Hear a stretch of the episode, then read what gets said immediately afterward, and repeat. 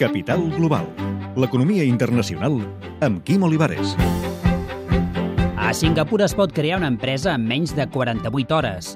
Aquesta ciutat-estat encapçala els rànquings mundials de transparència i de facilitat per fer-hi negocis.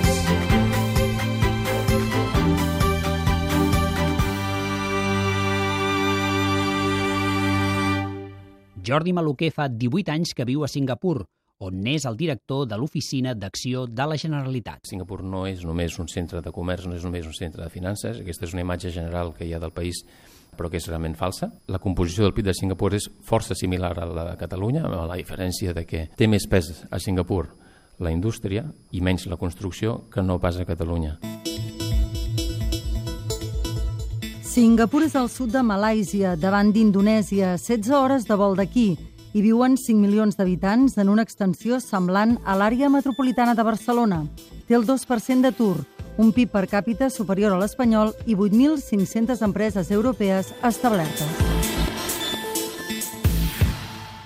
Les empreses troben atractius a Singapur, diguem-ne alguns.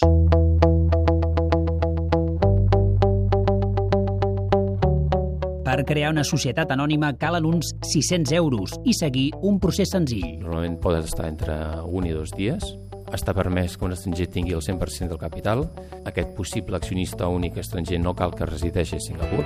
I per empreses que facturin menys d'un milió de dòlars tampoc cal registrar-se l'IVA. És estable políticament i s'hi paguen pocs impostos. L'equivalent a l'impost de societats és un 17%, però més amb l'afegit de que quan una empresa és de nova creació, eh, durant els primers 3 anys pels primers 100.000 dòlars de benefici no es paga cap tipus d'impost. Té màxima flexibilitat laboral. No hi ha un mínim a Singapur. No hi ha tampoc indemnitzacions per acomiadament, que això que pot sonar excessivament eh, agressiu no és tan dramàtic pel treballador com podria semblar perquè per començar no hi ha atur l'atur és inexistent. Ningú té la preocupació de no cobrar atur perquè no et preocupa la possibilitat de perdre la feina o si la perds saps que en pots trobar una amb rapidesa. Ofereix bones condicions als directius. Bona educació, és molt segur, etc, però a part una imposició molt baixa. Concretament, l'equivalent de l'IRPF de Singapur, el màxim que pots arribar a pagar és un 20%. És un punt de reexportació de productes a la regió d'Àsia-Pacífic i té una administració pública eficient.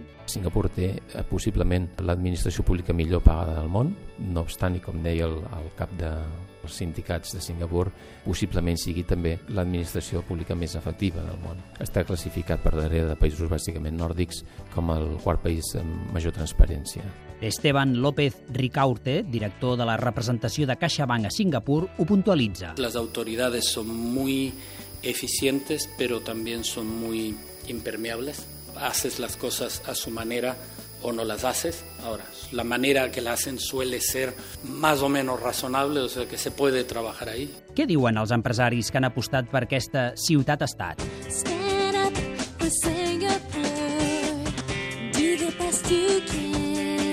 En valoren l'absència de corrupció. Fran Carretero és export manager de Circutor, una empresa de Viladecans amb presència allà des del 2001. Jo puc corroborar quan un preu d'un producte arriba en certs eh, llocs de la Xina arriba cinc vegades el preu de, de llist de, de Circutor. Això no passa a Singapur. També valoren la protecció de la propietat intel·lectual. Nosaltres hem vist els nostres eh, productes que s'han copiat, per exemple, a Xina. En el cas de Singapur no han tingut mai un email dient escolta, que he vist el teu producte copiat d'aquesta manera. No vull dir que no passi, però el govern té una política important de la propietat intel·lectual. No? Ara bé, és un mercat amb una competència ferotge i implacable. De molt poder adquisitiu però molt competitiu.